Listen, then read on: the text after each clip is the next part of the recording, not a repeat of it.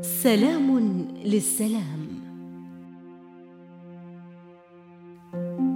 ستفقدك الحرب موطنك بيتك وأمنك وربما بعضا من أهلك وقد تفقدك أيضا صوتك فلا يبقى للكلام مكان. أحب لعب طابة بس ما عندنا طابة ونلعب بقماية أنا ورفقاتي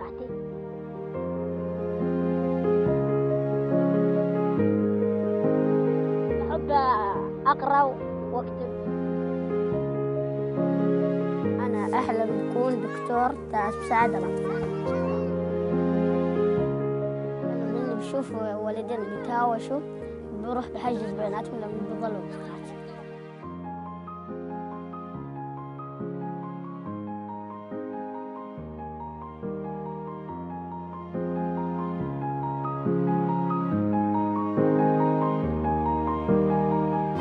خليل عمري 12 سنة من دير الزور.